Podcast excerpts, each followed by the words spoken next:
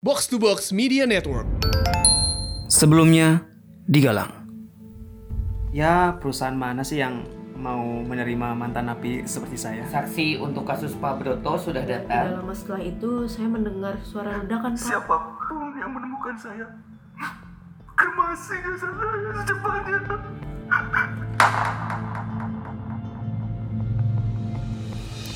Hai, nama saya Galang. Seorang mantan napi yang bekerja di kepolisian. Bagaimana saya bisa bekerja di kepolisian? Simak ceritanya di episode pertama. Berbekal predikat sebagai mantan mahasiswa kriminologi terbaik dan pengalaman selama di penjara, saya membantu kepolisian dalam memecahkan kasus-kasus kriminal. Dengan harapan, suatu saat, saya bisa menangkap seseorang yang telah menjebak saya masuk ke dalam penjara dan menyebabkan kedua orang tua saya meninggal. Galang, episode kedua, tenggelam.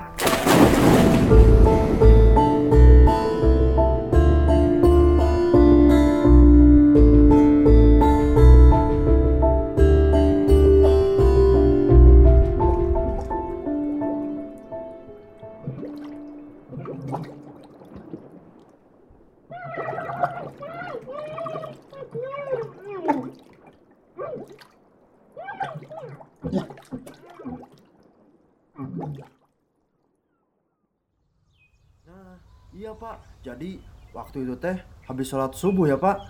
Saya sama Pak Iim ngobrol sambil jalan. Kata saya teh, mending dijual aja pak burungnya, jangan disimpan terus. Eh, mohon maaf, bapak-bapak. Bisa fokus ke penemuan mayatnya saja nggak pak? Hmm, fokus satu kamu teh. Oh iya lupa. Maaf pak. Jadi pas saya keluar dari masjid Saya ngelihat ada sesuatu ngambang putih-putih di atas danau. Saya kira karung. Oh, jadi bapak-bapak baru lihat mayatnya setelah pulang dari masjid Danau Gede Bage ini. Berarti ketika mau ke masjid, bapak-bapak belum lihat sesuatu yang aneh di danau ini. Lihat gak? Enggak enggak Gak lihat apa-apa sih pak Soalnya kan masih gelap, masih Janari Oh, oke oke oke. Terus? Nah, setelah itu saya tanya aja ke Pak Iim. Pak Iim, itu karung atau apa ya? Pak Iim juga bingung. Akhirnya kita deketin. Pas dilihat dari dekat, taunya mayat, Pak. Aduh, kaget saya, Pak. Gemeter lihatnya. Pak Iim juga kaget langsung meluk saya. Ya saya dorong aja. Amit-amit, ih dipeluk bapak-bapak. Eh, saya juga haram meluk kamu. Ih, amit amit bu manu. Kamu ke mana? Hey hey hey hey. Bapak-bapak, ini kok malah ngomongin peluk-pelukan. Ini saya mohon Pak Im dan Pak Aep untuk fokus ya. Karena ini akan masuk ke dalam berita acara pemeriksaan. Oh iya maaf pak. Malu-maluin kamu teh. Iya tuh iya. Maaf, Pak. Silahkan dilanjut bapak-bapak. Kamu Nah gini pak. Tadinya kita mau nolong mayatnya pak. Mau diangkat ke darat gitu maksudnya. Tapi kita gak ada yang bisa berenang. Dan di masjid juga gak ada siapa-siapa buat dimintain tolong. Jadi kita langsung aja lapor ke polsek terdekat sini pak. Eh, Oke oke. Terima kasih banyak bapak-bapak atas laporannya. Jika nanti ada perkembangan dari kasus ini, saya akan menghubungi bapak-bapak kembali. Baik, Pak. Terima kasih juga. Eh, tapi Pak, Ya kenapa lagi? Mau ngasih tahu aja ya pak, di Danau Gede Bage ini kan dari dulu juga udah terkenal angker pak. Tiap bulan pasti aja ada korban. Kalau nggak kecelakaan ya bunuh diri. Kayak minta tumbal gitu pak. Makanya sekarang dibangun masjid juga. Eh malah kejadian lagi. iya pak, saya juga tahu. Tapi kan tugas polisi nggak kayak gitu. Tetap harus ada pemeriksaan terlebih dahulu sebelum kita menentukan penyebab kematiannya. Hmm, iya juga sih pak. Baiklah kalau begitu, saya pamit pulang ya pak. Terima kasih pak. Baik, sama-sama.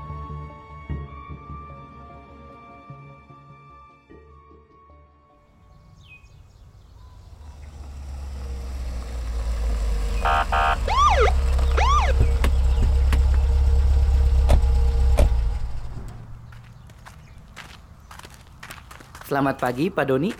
Pagi Galang. Ini laporan BAP-nya Pak. Baik, terima kasih. Hmm, Galang, Ya pak, ini kan kasus pertama kamu. Coba kamu periksa mayat tersebut. Bapak ingin tahu sejauh mana pengetahuan kamu di dunia forensik. Baik, Pak. Korban berjenis kelamin perempuan dengan ciri fisik tinggi sekitar 165 cm dengan rambut pendek sebahu. Usia korban diperkirakan sekitar 30 sampai 35 tahun. Tubuh korban sudah membengkak sekitar 30% dari ukuran normal dan sudah mengeluarkan bau yang tak sedap. Korban diperkirakan telah meninggal 6 jam yang lalu. Pada sekujur tubuh korban juga tidak ditemukan luka atau tanda-tanda kekerasan. Lalu, dari pakaian yang dikenakan korban, sepertinya korban telah menghadiri acara yang penting. Jika karena kecelakaan, dengan pakaian seperti ini, seharusnya ada luka lecet karena tersungkur atau memar di pergelangan kaki karena terkilir. Sepertinya korban memang sengaja melompat dari pinggir danau. Gimana hasilnya, Galang? Korban diperkirakan sudah meninggal sejak 6 jam yang lalu, Pak.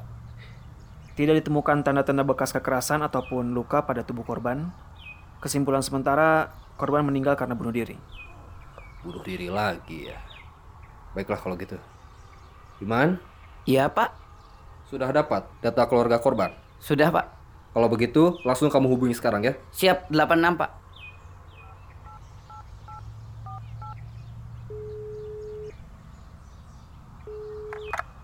Selamat pagi dengan Pak Ardi.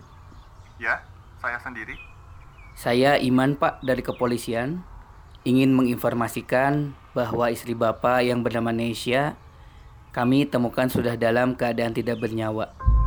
Apa? Pak, jangan bercanda ya. Jangan main-main sama saya. Halo, Pak? Iya Pak, kami turut berduka cita atas kematian istri Bapak dan Nggak mungkin, Pak. Nggak mungkin. Ini pasti bohong, kan? Pak, tolong bilang kalau ini semua bohong. Ya Tuhan. Pak Ardi. Untuk selanjutnya Bapak dimohon Tapi kami menemukan sesuatu yang janggal, Pak. Ada kemungkinan besar istri Bapak meninggal karena dibunuh. Hah? Dibunuh? Pak, tolong jangan main-main. Nggak mungkin, Pak. Nggak mungkin. Istri saya bukan orang jahat. Istri saya nggak punya musuh. Iya, Pak. Agar kasus ini bisa segera ditangani, saya mohon Pak Ardi untuk segera ke lokasi secepatnya. Sebelum kami kehilangan jejak pembunuhnya. Baik. Baik. Saya segera ke sana. Galang, kamu apa-apaan sih? Main rebut HP orang aja? Maaf, Pak Iman. Tapi Maaf, maaf. Terus kenapa kamu bilang korban dibunuh? Kan kamu sendiri yang bilang kalau korban meninggal karena bunuh diri. Gimana kamu teh? iya, Pak Iman. Ya, saya minta maaf. Tadi nggak bilang apa-apa dulu sama Pak Iman. Tapi ada sesuatu yang membuat saya penasaran dan saya ingin coba buktikan.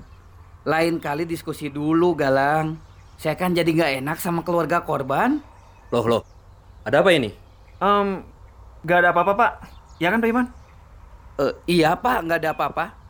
Hmm, Iman, kamu sudah hubungi keluarga korban? Sudah, Pak. Suami korban sedang menuju kemari. Baik, kita tunggu ya. Siap, 86.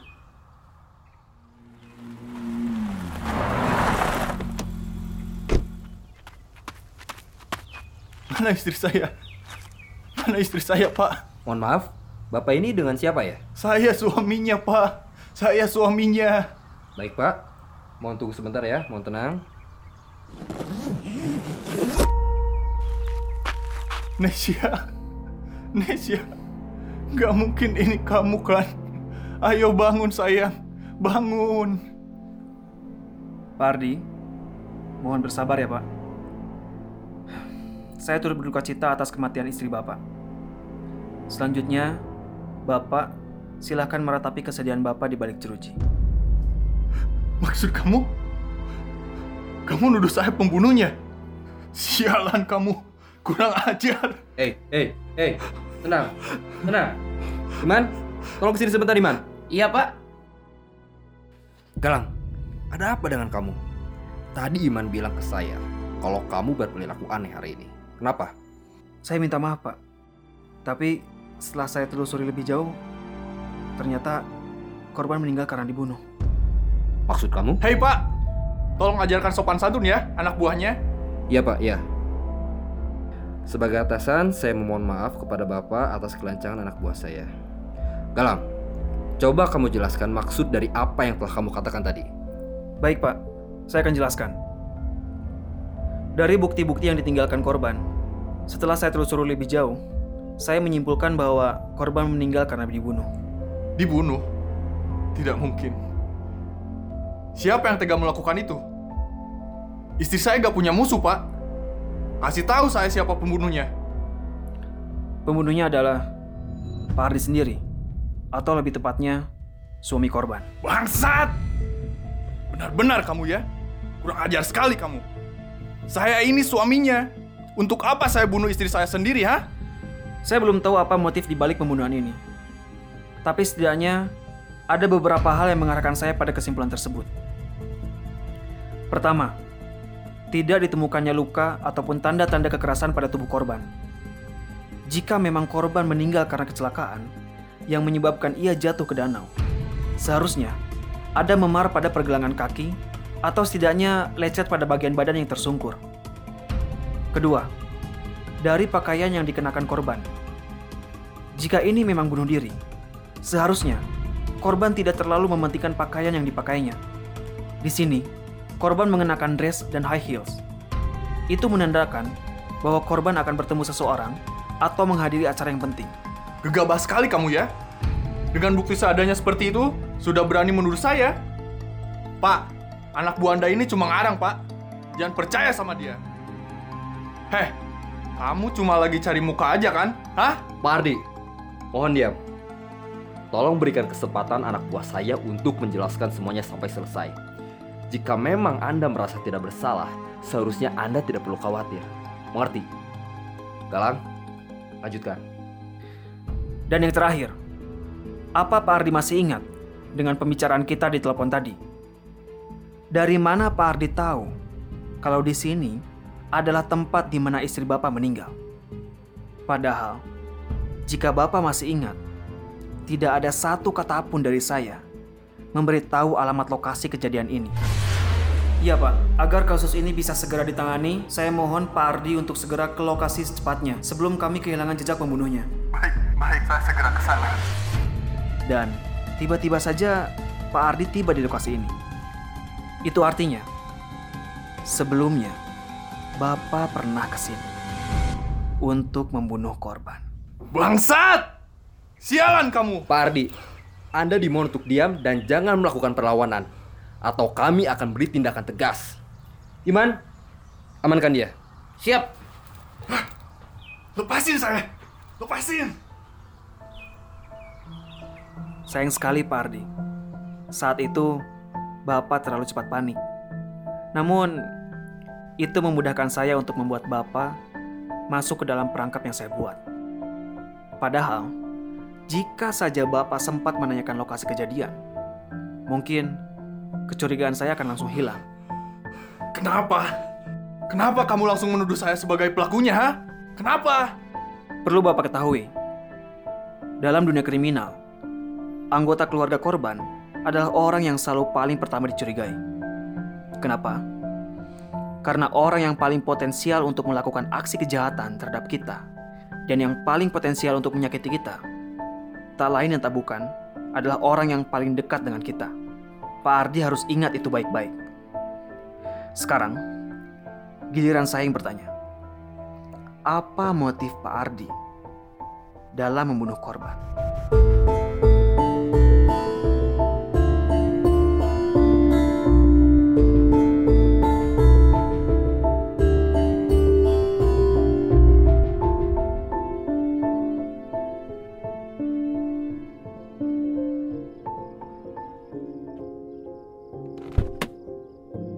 Nesya, mau ke mana kamu? Sini kembali ke mobil.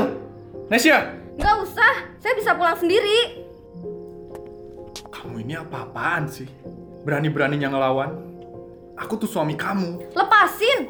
Eh, Nesya! Kamu tuh tahu diri dong.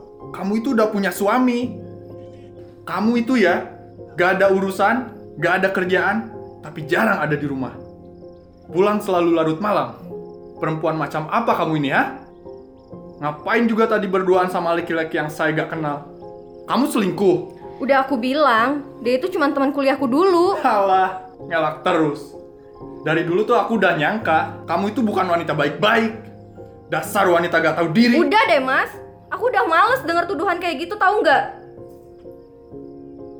Nisha, sini lihat tangan kamu. Apaan sih? Mana cincin kamu? Kenapa gak kamu pakai, ha? Lepasin! Oh, jadi bener kan? Kalau selama ini kamu selingkuh? Ayo jawab. Jawab. Iya, kalau aku selingkuh emangnya kenapa? Aku tuh capek mas, capek aku kayak gini terus.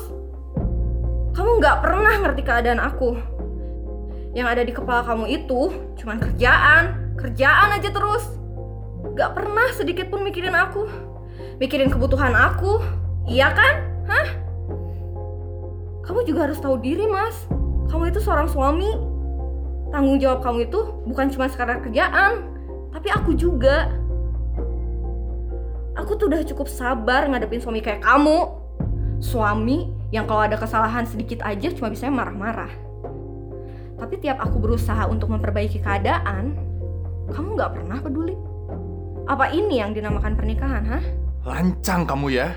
Dan satu hal lagi, aku udah cukup sabar menanggung kenyataan pahit kalau kamu nggak bisa kasih aku keturunan. Aku juga udah cukup sabar ngadepin omongan orang-orang tentang semua ini, Mas. Terlebih lagi ibu kamu.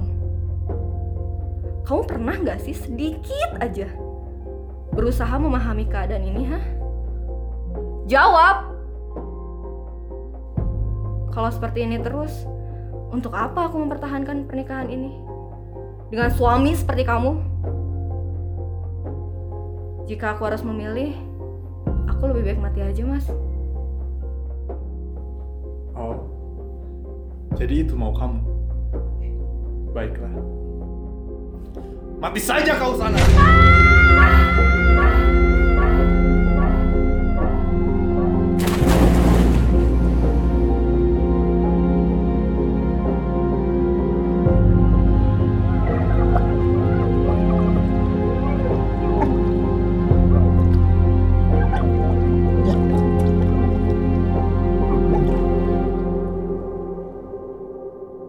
Saya Galang, sampai jumpa di kasus berikutnya.